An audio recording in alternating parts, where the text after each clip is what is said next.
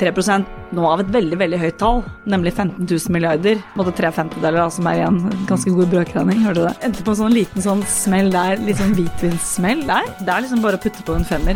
Risiko var det. Let's go, ikke sant? 96% er hyggelig. Faktisk. Så du kunne bare Nei, tror du jeg får bare drit, sier han.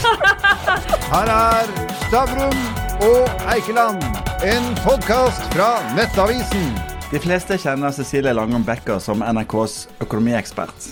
Eh, Men nå er hun aktuell med sin egen bok som heter 'Kan vi ikke bare bruke oljepengene', da? Og så AS Norge, det går så det griner. Altså, I 2022 så tjente vi jo mer penger enn noensinne. Oljefondet altså, sømmer over av penger. Eh, men mange nordmenn de sliter nå. Så hvorfor må Norges Bank gjøre lommeboken enda slankere med stadig rentehevinger? Det er jo kanskje det spørsmålet jeg får aller oftest eh, inn på mail eller eh, hvor det er. Jeg blir til og med stoppet på butikken sånn, ja, men jeg skjønner det ikke.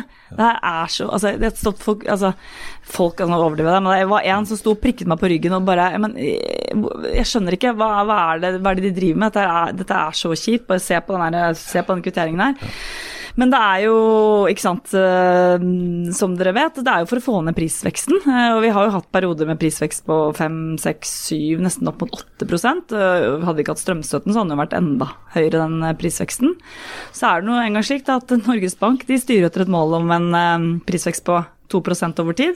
Vi ligger milevis over målet. Nå er vi jo nede på 3,3% Så er det spørsmål om det holder seg, da, eh, denne prisveksten, eller om den bikker opp igjen. Eh, Vi har jo bl.a. en joker i strømprisene. Jeg hørte den forrige episoden av podkasten her. eh, Der hvor denne forvalteren som du snakket med, Ole, eh, snakket om at vi måtte belage oss på egentlig høye strømpriser gjennom hele vinteren, i hvert fall her i sør. Så det er jo det som er liksom litt jokeren fremover. Og i Norges Bank de er jo, og de sier jo ikke dette rett ut, dette er jo på en mine tolkninger, er jo ikke inne i hodet til sentralbanksjefen, men de er jo livredde for å slippe opp for tidlig og begynne å kutte for tidlig. Eh, da kan prisveksten sprette opp igjen, og så har du kronekursen som de jo også, også er veldig nervøse for at skal, skal fortsette å svekke seg. Da. Så det, den ligger jo også der som en sånn fare og lurer. Ja. Men altså, Ole, Ole har gått på B, du har gått på Handelshøyskolen, så vi må ta dette litt rolig. Vi begynner, vi begynner litt enkelt. Dette er en Nå blir vi, for nå blir vi ivrige. Dette er en bok for, eh, for, eh, for, for dummies på et vis også. Hva er økonomi?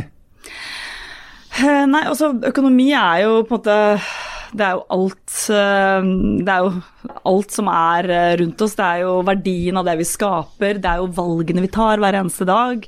Hvor mye skal jeg jobbe? Hvor skal jeg jobbe? Hva skal jeg bruke pengene mine på? Eh, hvor skal jeg bo? Sånn at det er, det er jo summen av alle disse tingene som jo, som jo har noe å si for oss og for samfunnet. Så dette er jo et eldgammelt begrep som, som har egentlig eksistert i tusenvis av, av år. Eh, og det, er jo, det koker ned til det. Da. Det er jo liksom de valgene eh, vi tar hver eneste dag. Det er, det er økonomien. Hva er penger? Nei, Penger det er jo veldig, veldig gøy. Da jeg begynte å skrive Et kapittel handler om nettopp det, hva er penger? Eh, Og samtidig som jeg skrev det kapittelet, så leste jeg um, en av Maja Lundes bøker, som er en av mine favorittforfattere, som har skrevet en jeg vet ikke hva det, kaller, om det heter altså Det er ikke en triologi, det er fire bøker, så da er det jo en uh, Kvadrupologi? Ja, ikke sant, eller firologi, eller et eller annet sånt. Dette var fordømmelig, ja, så det var- Så, så hun har skrevet fire bøker som, som egentlig bare handler om klima og, og litt sånn dystopiske bøker, med helt fantastiske bøker. Og da, den, den fjerde boken leste jeg akkurat da, som heter um, 'Drømmen om et tre'. Og da har hun en sånn setning der at um, at, eh, og da er vi, er langt i fremtiden, og penger eksisterer, altså mm, kontanter eksisterer ikke lenger. Det er litt sånn abstrakt begrep, men da hun forteller om det at bestemoren har fortalt om dette her, eh, og at penger eh, er som religion, de eksisterer kun fordi vi tror på dem. Og det er jo og det er jo ikke Maja Lunde som har funnet på det, men det er utrolig godt oppsummert. Penger er jo tillit, da. Hvorfor har den femtelappen verdi når jeg gir den til deg? Det er fordi man har tillit. Man har tillit til eh, til sentralbanken, du har tillit til det norske samfunnet, har tillit til at du kan gå og veksle om den. ikke sant? Og det er når tilliten til dette systemet når det rakner, det er jo da det ikke går så veldig bra. Og det har vi sett i det ser man jo i noen land hvor den femtelappen ikke har noen verdi lenger. ikke sant? Man, man ser land der hvor uh, Venezuela, som du Venezuela, nevner i ikke sant. Som du, Ja. Og du har sett uh, For jeg kan huske tilbake tid fra jeg var yngre og så på Dagsrevyen, og da var det noen, noen som gikk rundt med sånne trillebårer fulle med penger ikke sant, for å kjøpe brød. Så, um, så det, er, det er rett og slett Penger er jo, er jo tillit. Ole, du skal få stille noen BI-spørsmål. Men jeg har et, et spørsmål til på verdi, verdi, verdier. og Det er sånn, det er et spørsmål jeg får ofte. Sånn, eh, du skriver om, eh, om eh, aksjehandel og finans og flytransport som om det er verdiskaping. Men de reelle verdiene de skapes av bønder. Mm. Hva er verdiskaping? Nei, og det er jo og det, det er ofte sånn at uh, sånne pengeflyttere, holdt jeg på å si, penge, pengefolk, forvalter og disse her det, at de, de blir jo omtalt som nettopp det er pengeflyttere uten verdi, ikke sant. Uh, Og også aksjemarkedet. Det er jo sånn, en veldig sånn ut, altså Jobbe med aksjer det kan være veldig sånn ut, utskjelt, men det er jo ikke sånn at de er pengeflyttere uten verdi. Altså Hvordan skal du få til da det grønne skiftet hvis ikke du eh, kan pare investorer med prosjekter? Eh, jeg hørte dere snakket masse om i forrige episode om eh, om vindmøller til havs, ikke sant? som er kjempedyrt. Eh, Hvordan skal man få til, hvordan skal man få noe sving på det greiene der, hvis ikke du har noe som er villig til å investere, og noe som er villig til å, til å gjøre den utbyggingen og pare, eh, pare bedrifter med kapital. Så det er jo det også er, det er jo eh, åpenbart en form for verdiskapning, og det er litt det derre Hva sier det? Det er verdiskapning? ja, det, ja, det, ja det, er, det er verdiskapning. Og jeg, og jeg snakket med Kjerstin Bråten i dag, DNB-sjefen, la frem sant, sine tall.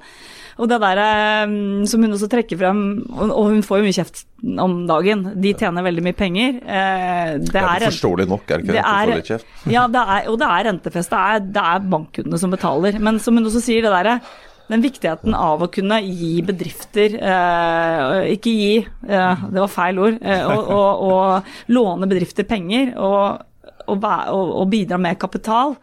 Holde bedrifter gående. Det er jo klart at det er viktig for verdiskapning, og det er viktig for arbeidsplasser. Ja. Og så er de jo veldig large, da, for den rentemarginen har jo aldri vært eh, så lav som den er nå. Så de er jo veldig snille Ja, med, med de som registrerer, låner pengene. eh, jeg registrerer også det. Og det er sånn, og den forklaringen, det, det er jo sånn som på en måte kanskje liksom går folk det, det, det går litt sånn forbi. Fordi, fordi vi, man vet jo at de er raskere med å sette opp eh, utlånsrenten enn de er å sette opp innskuddsrenten. Og der, mellom der, det er jo, der er det jo masse Der er det penger. Men, men du, du nevner det grønne skiftet, men det gjelder jo øh, altså økonomien generelt. altså Uten investorer så, så blir det jo Mhm. Ja, ikke det noe skaping. eksempel, ja, men det blir ikke noe skaping. og det er klart at uh, Investorene i Norge har jo vært veldig viktige for at vi har en god økonomi. Ok, olja har vært superviktig, mm. men du må jo skape noe av den oljen. og Det har du ikke fått til hadde du ikke hatt investorene. Og nå når regjering og politikerne gjør det så forbanna vanskelig for de som er de store uh, investorene, å, å bo i Norge. Frykter du at uh, når, når alle Det var et veldig ladet spørsmål. Flytte, flytte, deg spørsmål ja, her. det er BI-spørsmål! ja, ja, ja. Nei, men ikke sant? Altså, Frykter du da at, at uh, for verdiskapninga fremover i Norge? Altså, det var et veldig ladet spørsmål. Eh, og så har jeg ikke noe sånn spesiell mening om de som flytter til Sveits, eller, eh, eller som velger å bli eller ikke. Men Du skriver om det i boka. Ja, jeg, jeg skriver om det i boken, og, det, og, det, og det som kanskje peker seg ut som et problem eh, eller altså der, der man kanskje kan se det største problemet i denne, for eksempel den formuesskattedebatten, det er jo spesielt gründerbedrifter eller bedrifter med lav eh, likviditet, eh, som da må på en måte eh, tappe selskapet for penger for å betale formuesskatt dersom de får dersom de har en, en høy verdsetting på, på selskapet sitt, som kanskje skjer gjennom f.eks. en kapitalinnhenting, hvor de må prise selskapet sitt til en eller annen verdi. Så det er klart at det er krevende, og, og du har også andre mennesker, f.eks. pensjonister, som også har lav likviditet, da, som har eh, lav um, inntekt, som egentlig ikke har noe noen steder å kanskje hente penger til å betale den formuesskatten. Så det, det oppstår jo eh, en del utfordringer med den formuesskatten. Men nå gjelder jo ikke dette nødvendigvis alle som har flyttet til Sveits. Nei da, men de fleste. men ok, men eh, inflasjon. Vi har snakka litt om det. Eh, og du skriver jo veldig fint i boka di at eh, det finnes en fiende i økonomien som kan snike seg inn uten advarsel. Den kan spise opp sparingen din, fordyre turen til matbutikken, ja, til og med gjøre verdien av en hardt opptjent månedslønn mindre. Fienden har et navn. Det er inflasjon. Men hva er det som er så farlig med inflasjon? Nei, det er jo eh, Og inflasjon som er 2% over tid, som man jo ønsker seg, det er jo på en måte bra. Det smører, eh, det smører økonomien, på en måte. Eh, Så, det er vi jo glad for. Og man vil jo som ligge også på et nivå som er som akkurat over, sånn at ikke prisene begynner å falle igjen, ikke sant. For da, da oppstår det også masse utfordringer. Så det er jo, det, det er jo litt sånn som vi ser Det som har, sannsynligvis har skjedd nå, da. Eh, der hvor prisene stiger mye. Og så er du bedrift, da, så begynner man å tenke ok, nå må jeg kanskje skru opp prisene enda litt mer for å være helt sikker på at jeg får dekket inn kostnadsøkningene mine. Uh, og så får du jo så du, får du problemet med at ansatte tenker sånn ok, men nå er jo altså det er 10 dyrere å handle på matbutikken, nå vil jeg ha 10 lønnsvekst. Og så har du det på en måte gående oppover, og da får du disse potensielt disse lønnsprisspiralene, uh, som de jo er veldig, eh, veldig redde for. Det, det, det skaper noen sånn veldig uheldig dynamikk i økonomien. og det er jo dette her eh, Og vi har, vi har, jo vært gjennom denne type perioder før. Eh, og, der hvor man f.eks. USA eh, på et tidspunkt måtte sette rentene så høyt at man bare knakk hele økonomien. Der man hadde, fikk resesjon over, over, flere år. Så det er, det, er, det er, jo det Norges Bank prøver å unngå nå. At man, at man ikke på et senere tidspunkt må sette renten så høyt at hele økonomien knekker. Fordi inflasjonen skal bekjempes uansett. Det sier jo Eh, hvis du hører den amerikanske sentralbanksjefen også, det er, det er, ikke, noe, det er ikke noe tvil der. Inflasjonen skal knekkes, liksom, nesten koste hva det koste vil. Eh, men eh, Nordea-sjefen sa jo nå at vi må kanskje tåle 9% boligrente. Nå ligger den på rundt 6 mm. eh, altså, Dette kommer jo til å bli vanvittig tøft for mange? Ja, og så er det jo ikke Og det er jo fordi hun må jo stressteste sine kunder, og det må alle banker, for å tåle 3 prosentpoeng til vel på boliglånsrenta. Så det er jo det hun snakker om. Og da høres jo liksom ni Det blir tatt ned, da. Før så var jo det du måtte tåle faktisk 5 prosentpoeng med, så hadde du vært oppe i 11. Eh, så det er jo blitt tatt ned. Det er jo denne boliglånsforskriften som, som bestemmer det. Men, eh, men, det blir jo vanskeligere for deg, kanskje ikke for deg, Ole, men for meg, å gå å, å gå, å gå til banken nå og, og, og, refinansiere, kjøpe meg en dyrere bolig, og skal de teste meg på 9 Det er klart at det er noe helt annet enn da jeg ble testet på 5-6 da kanskje da jeg tok opp det for, eller vi da tok opp det forrige boliglånet for 6-7 år siden. Så det er jo klart at det, det, vil, jo, det vil, jo, legge inn begrensninger på hvor, hvor, mye penger, hvor mye folk kan kjøpe bolig for. da. Men nå går jo renta opp, øh, og det er høy prisstigning. og ja, ikke sant? Nå, nå, bruker vi mindre penger generelt sett. ikke sant? Og, og, mens staten, de bruker jo penger som fulle sjømenn. Mm. altså På siste statsbudsjett, jeg husker ikke helt øh, det eksakte tallet, men det er jo flere titalls milliarder uh, de tar fra uh, oljefondet. Ja, over 400. Ja, over 400, ja. ja der ser du. ikke sant? Det var ekstremt mye mer. Det bare underbygger det jeg sier. Mange titalls. Ja, det var bare, 40 ikke sant? Men jeg snakker i dollar. Jeg snakker i dollar. ja, ja, ikke sant? So international. Ikke sant? Men, men, men, men er det noen regler for, eh, for, oss vanlige folk, og så er det andre regler for staten? For det, det, det hører jo ikke hjemme. Og, det, og det, er jo, det, er jo, kanskje akkurat det som det de står i litt nå. Eh, at, at, bare her, nå driver de bare pøser ut, og vi skal ha det veldig vondt. Og så er jo en del av det, det de på en måte pøser ut nå, det er jo det er, jo, um, det er jo en slags inflasjonsjustering, det også, fordi de kompenserer jo for prisveksten. Og det må de jo, ikke sant, f.eks. I, i, i, i helseforetakene. da, hvis ikke, just, hvis, ikke de justerer det bidraget som de gir til helseforetakene, så kan jo ikke de, går, går ikke de rundt. ikke sant? Og det var jo en enorm sånn feilvurdering i fjor høst da de la frem statsbudsjettet for 2023, at de la inn altfor lite der, så de måtte overkompensere da revidert budsjett kom litt senere. Sånn at, eh, så det, det er jo én del av det. Men eh, så er det også det at selve handlingsregelen, som jo er 3% av oljefondet, er en makstur som kan i, i bruke, eller det er som en sånn slags strek i sanden, ikke sant. 3 nå av et veldig veldig høyt tall, nemlig 15 000 milliarder. Eh, det er jo ikke en begrensende faktor lenger, ikke sant? så lenge oljefondet er på 15 000 milliarder. Det er jo kanskje det også Det er jo veldig lett å være flink og liksom begrense seg eh, nå når oljefondet er så stort. Derfor er det mange, eh, flere økonomer nå som også tar til orde for enten å senke handlingsregelen eller legge på en tilleggsregel da, for å begrense eh, pengebruken. Er det ikke deilig, da? Altså, Jo svakere kroner blir, jo større blir oljefondet, og mer penger kan du bruke i offentlige midler. Ikke sant. Så det er jo, det er jo, det er jo kjempefint.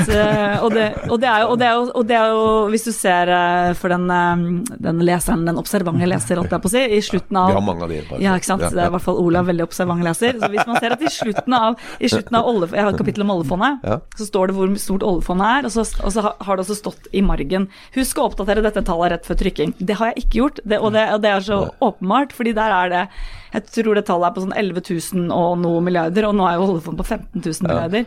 Men, men og det var ikke sånn at jeg da skrev den setningen for tre år siden, det var jo en setning jeg skrev kanskje på starten av året, da. Så det sier jo litt om hvor fort det har gått da akkurat i år. Man Men startet ja. på 12 000, og nå er vi på 15 000. men du opererer jo med dollarkurser på mellom 8 og 9, så Ja. klart at det er noen Ja, ja. år siden du, du gjorde dette. her. Ikke sant, ikke så, sant. Men, ja. men, men la, oss gå, la oss gå litt til, til, til de fundamentale tingene. Så Vi har et, som du sier, et oljefond på 15 000 milliarder kroner. Eh, og vi har skrikende oppgaver i, i offentlig sektor. Vi har store veiprosjekter som skal skje.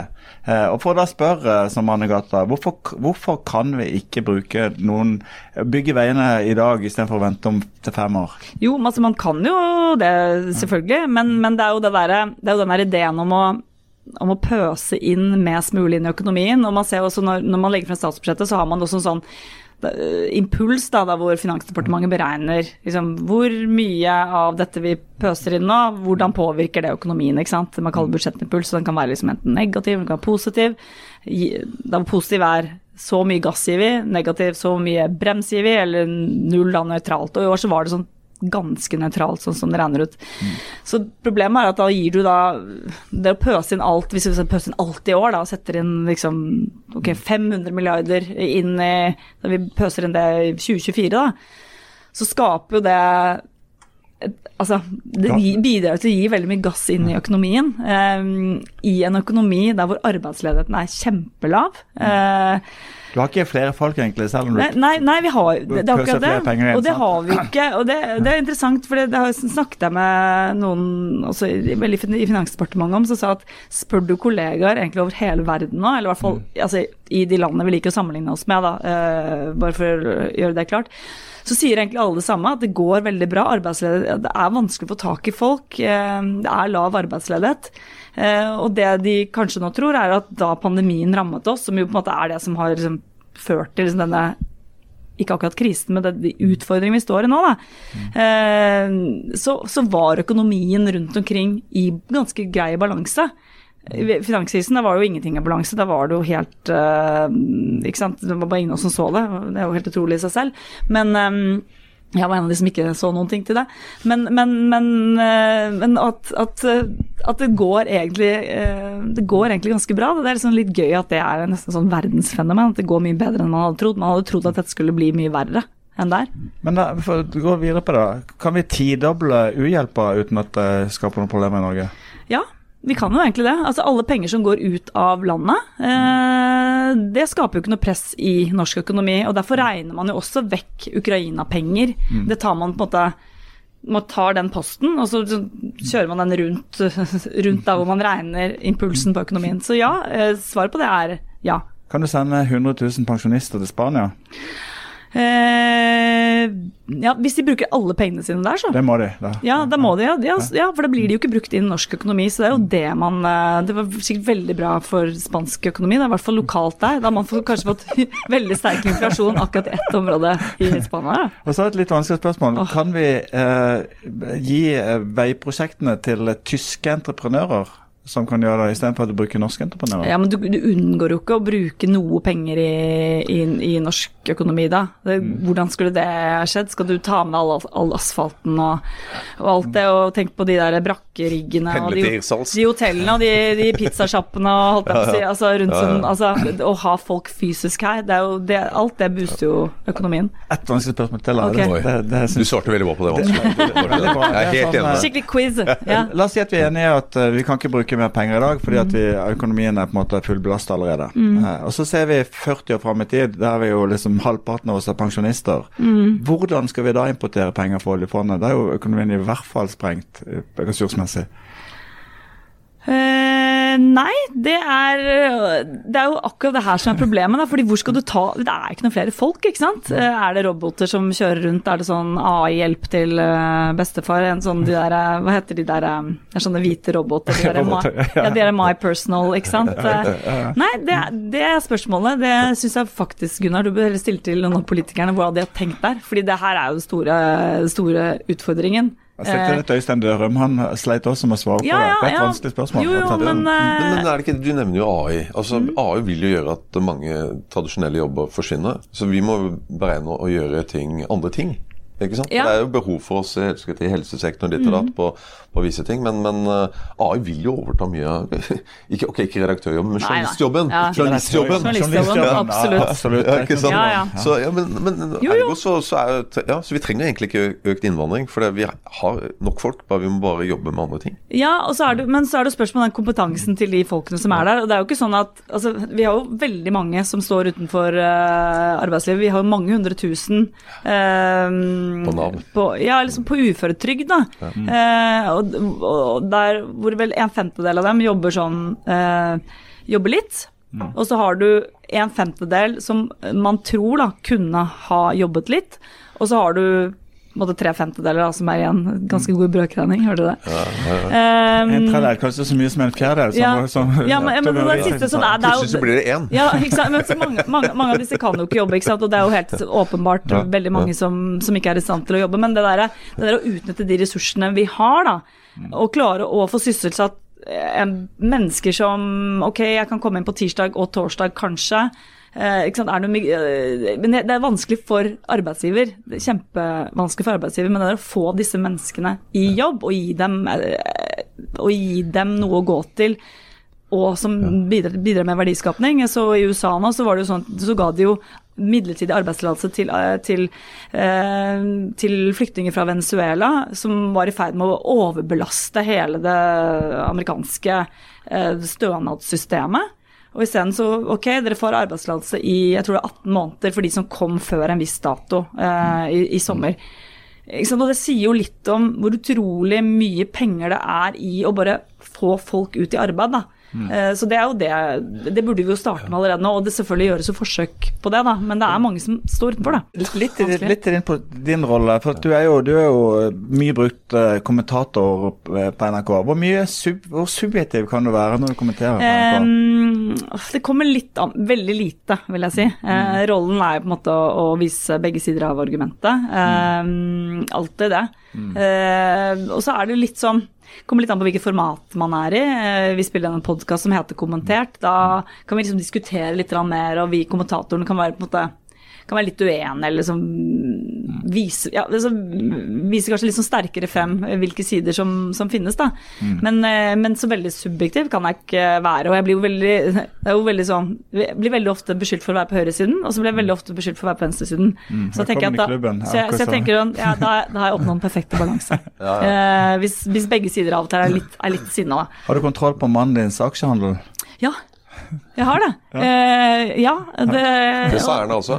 ja, men jeg, du skjønner, jeg sitter faktisk med og sitter, Vi sitter sammen med PC-ene ved siden av hverandre, sånn som jeg trodde at normale ektepar uh, satt, faktisk. Og har gått gjennom uh, Ja, nei, jeg vet på en prikk, og det vil si at jeg har ikke lov til å ha enkeltaksjer. Aldri hatt enkeltaksjer. Han kan ikke ha enkeltaksjer. Så vi investerer i fond. Det er det vi gjør, da. Litt, litt, litt videre i den veien. At, la oss si at økonomi handler om på en måte hvordan du tar rasjonelle valg for ressursfordeling. eller noe sånt. Altså, Tar du rasjonelle økonomiske valg selv? Mm, kjempe Nei, jo, altså det, og det der er eh, Det er eh, Altså, jeg vil si ja og nei. Det er en god blanding. Jeg er ikke noe sånn uh, kjempeeksempel på til etterfølgelse, men uh, eh, Men du har, jeg, du har kutta også å kjøpe sånne ordentlig merkeklær til kidsa nå, har du ikke det? For det var, Du nevnte litt sånn i bisetningen jeg snakka med deg her. jeg prøver, prøver det, ja. ja. men det er, det er bare så sterke ønsker hjemme hos meg. Men jeg prøver å kjøpe brukt, det gjør jeg faktisk veldig mye. I hvert fall til barna. Ja, ja. Og det, det gjør jeg masse, altså. Og vi har jo sånn lokal Facebook-gruppe der hvor jeg bor. Eh, der- Hvor er det du bor? Jeg bor på Snarøya, og da er det masse goodies i den eh, Facebook-gruppen, og selger masse, ikke sant. Det er alle, liksom, og du kjenner hvem de som selger, og det er veldig sånn trygt og, trygt og godt opplegg. Så det gjør jeg. Jeg kjøper masse brukt til barna. Jeg tipper at halvparten av det barna mine har på seg, kanskje mer, er brukt. Eh, arv og, og liksom skøyter og ski og alt dette greiene der. De står alpint, blant annet.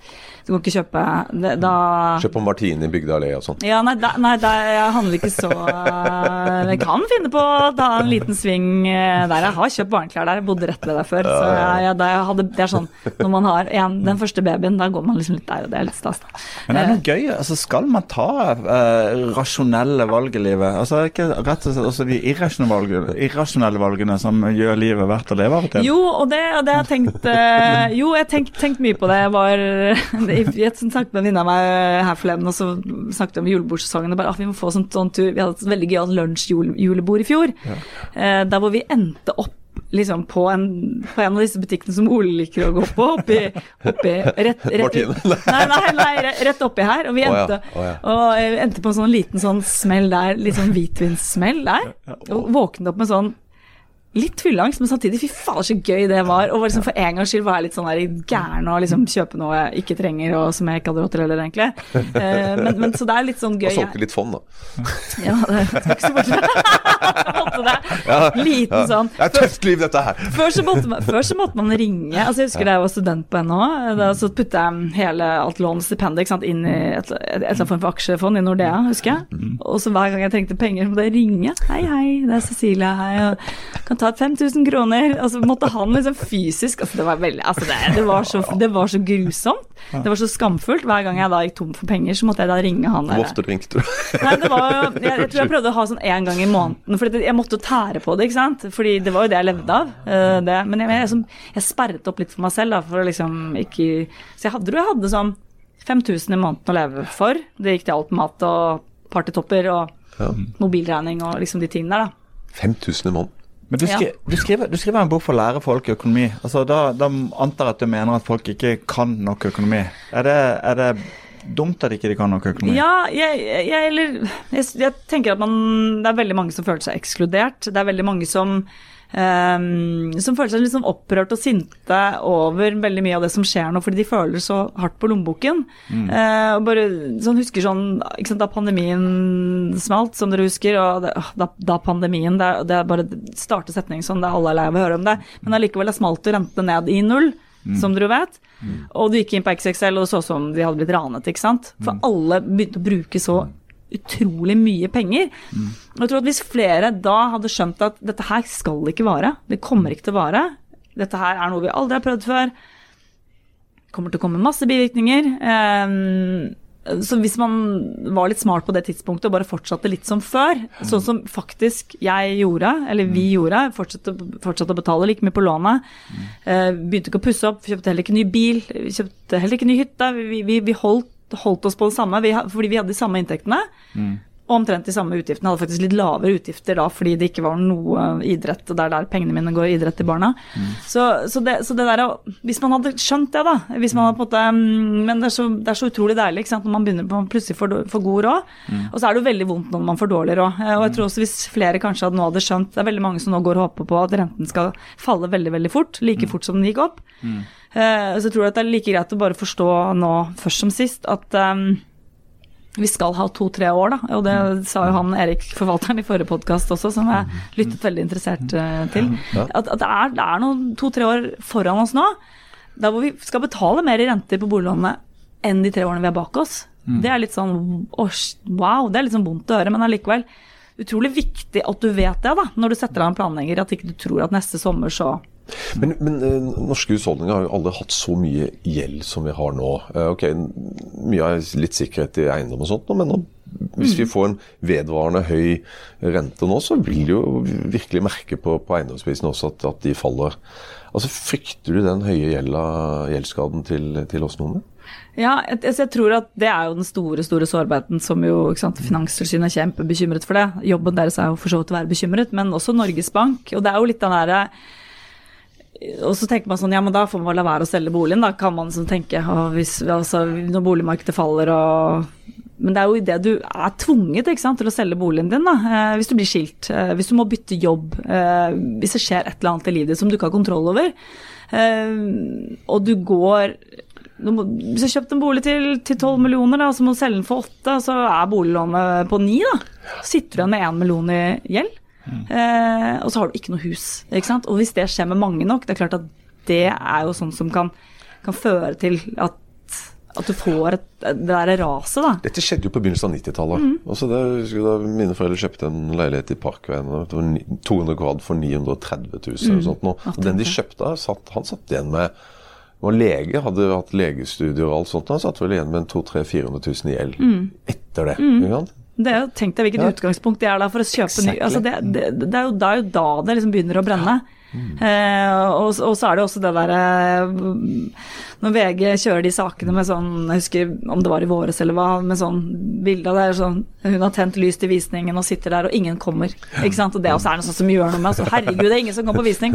Og herregud, skal i hvert fall ikke sånn, skal vente litt, eller nå, uff a meg, nå er det ikke sant? Det der psykologiske er jo kjempeviktig i boligmarkedet, selvfølgelig er det jo det også. Så det der, den der kombinasjonen der, da, eh, og den vet man jo ikke hvor kommer til å ende. Nå tror de fleste at det kommer til å gå bra, fordi vi reddes eh, på et slags vis av at det ikke er noe særlig nyboligbygging. Jeg, jeg er veldig glad for at jeg ikke har hytte, i hvert fall. Gunnar. Ja, men den, den Har du, har du en veldig dyr hytte? Nei, Det er veldig billig, veldig billig småbruk, men, eh, men jeg tenker På, ja, får du strømstøtte på det? Ja, selvfølgelig. Jeg Billig drift er det. Jeg får landbruksstøtte, så oh, ja, det går i pluss. ja. Ja, nei, jeg gjør ikke det. Men eh, jeg tenker at det er sånn, når du skal, selge, når du skal inn i boligmarkedet, så, så tenker du at du er den, du er, det er ingen boliger til salgs. Du er helt desperat etter å få kjøpt bolig, og så skal du snu deg rundt og selge Da føler du at det ikke er en kjøper der ute. Mm. Det er Psykologien i markedet er viktig.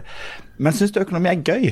Kjempegøy. Altså virkelig Ja, det er liksom bare å putte på en femmer. Og jeg merker sånn Når jeg er, når jeg er sånn parmiddager og sånn, så blir, så blir jeg alltid jeg blir sittende sånn og diskutere med menn, da. Fordi det er jo bare de som er interessert i å snakke om økonomi og renter og de teite politikerne. Ja, men det, jo, de der, og, og alle er veldig opprørt over politikerne og er- formuesskatten og alle disse tingene som Ola er inne på. Det er alle de som jeg sitter i middager òg. Eh, så, så, så det er liksom Jeg elsker å sitte og diskutere disse tingene eh, i timevis. Og jeg syns makro er kjempegøy. Og det begynte jo det første semesteret mitt på Handelshøyskolen. Jeg kom hjem til jul og satt til mamma og pappa med ISLM-modellen og viste. Sånn, her henger det sammen. Jeg hadde jo liksom sett lyset, ikke sant. Det var jo, så det var liksom der det startet. Det, Men din mor var jo flink i boligmarkedet. Altså, hun gikk inn og kjøpte leilighet til deg Ja. i, i Bergen. Casha inn en halv million. Du og din bror fikk 250 hver. Og det var utgangspunktet for din inntreden i eiendomsmarkedet. Så er det en smart mor, da. Ja, og det, var, og det, litt, det illustrerer liksom de forskjellene som er. da, at eh, Jeg var så heldig som hadde da en mormor eh, som hadde kjøpt hus på Nordstrand på slutten av 50-tallet.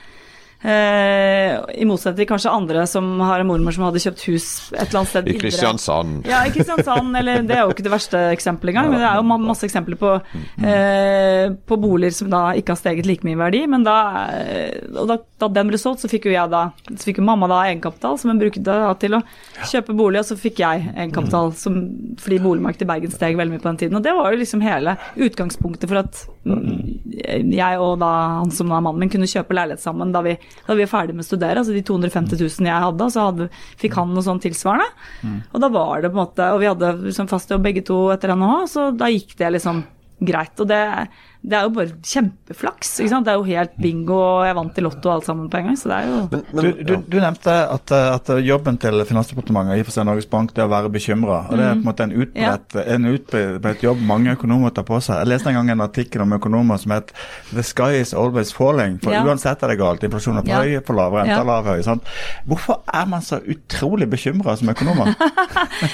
Det er jo, jeg er jo det litt eh, Jeg er jo det litt sjæl, men jeg er ikke Ja, for meg, ja, det er sant. Men jeg, jeg vet ikke. Det er fordi man alltid Og det er jo derfor sånn når Kanskje du unntaket det, hvis du også er en høyt, høyt utdannet, og det virker som du har gjort det bedre sånn i penge, pengemessig Jeg enn meg. gifta seg til det, selvfølgelig. ja, ok, ikke sant, sånn, men det er jo, og det er jo fordi det, det, er så de, de, de, det det er jo ikke de jeg gikk på NHH med som har blitt rikest, det er jo alle de andre som eh, knapt nok har tatt utdanning, og som har bare gønna på i boligmarkedet, og liksom risiko var det.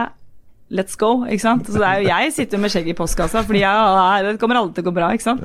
Nei, det er kjempedumt. Jeg anbefaler ingen å bli økonomer, da. Ingen må kjøpe denne boka. Nei, det er, men det er, men søren. Jo da, det må det. Det er en god bok. Ja. Men, men en sånn siste ting vi må innom. Eh, politikerne fråtser over sånn, uh, Forskjells-Norge og alt er store forskjeller og sånt nå. Men i Norge så har jo, er vel 80% cirka som bor i sin egen bolig.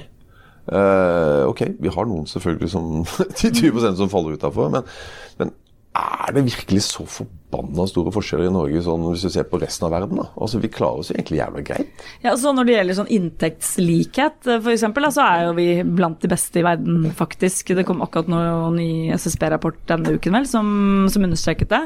Eh, så sånn sammenlignet med, eh, med, resten av verden, så er det, jo, er det jo ikke så ille. Men det er nok et land Jeg tror vi skal ha respekt for at det er et land det er vanskelig å være fattig i fordi det går så himla bra med de aller fleste. Snittlønn i Norge er på godt over 600 000, ikke sant. Eh, eh, vi er et høyt utdannet folk, det er et veldig godt arbeidsmarked. Hvis du er en av de som har falt utenfor, da, som, ikke, som, ikke, som ikke får til å jobbe, som ikke klarer å få en jobb, som, som det ikke er bruk for, Eh, og, og, det er jo ikke noe sånn happy days å gå på stønad i Norge. Det er jo ikke sånn at du Det er ikke noe sånn at det er liksom veien til lykke, er jeg ganske sikker på. Så, så, så det der, å, det der å, å, se på det, alt det, an, det, andre har og Det var jo også sånn under, under pandemien, alle kjøpte seg hytte. Mens det var jo en del som var permittert, som satt og bare hva er det som foregår nå? Ja, jeg er permittert, jeg sitter på 70% lønn, eller hva man gjorde på kanskje 80% på det beste. Her er det folk og kjøper seg hytte, og her står jeg igjen på perrongen og bare alle kjører toget. Så, så, det er jo klart at det blir så ekstremt da, eh, her til lands. Så, så, jeg har enorm respekt for, eh, for det der å være liksom utenfor og og jeg tror det, det, oppleves nok sterkere her, selv om de aller, aller fleste har til de basale tingene. Men det er bare det du får trykket opp i trynet hver dag av velstand i dette landet her, av biler og av hytter og av folk som flytter i Sveits, at det føles litt sånn vondt for mange, det, det, det har, jeg, har, jeg, veldig respekt for. ja. Et siste spørsmål, veldig personlig. Får du mest hatmail eller, eller fanmail? Jeg får jeg vil si 96 er hyggelig faktisk. Så det kunne jeg bare Nei, tror du jeg får bare drit, sier han. Men jeg får hyggelig, altså. Det er noen Altså, Twitter er litt sånn Jeg får hyggelige ting på Twitter òg, faktisk. Tro det eller ei. Også litt dritt, men det er ikke mye. Um, får veldig Jeg får stort sett Ville bare si at jeg syns det er veldig bra, det du gjør. For, sånn får jeg mailer. Kjempehyggelige mailer. Jeg får stort sett hyggelig. Uh, og så får jeg litt sånn Du er en bladibla, uh, uten å nevne det får jeg. Men det, det er så få at det, jeg tenker at det, det, det, går bra. Det fikk jeg da jeg jobbet som vanlig skrivende reporter i DN også. Da fikk jeg, fikk mer da, faktisk. Mm. Du fikk Stavrum og Eikeland, en podkast fra Nettavisen.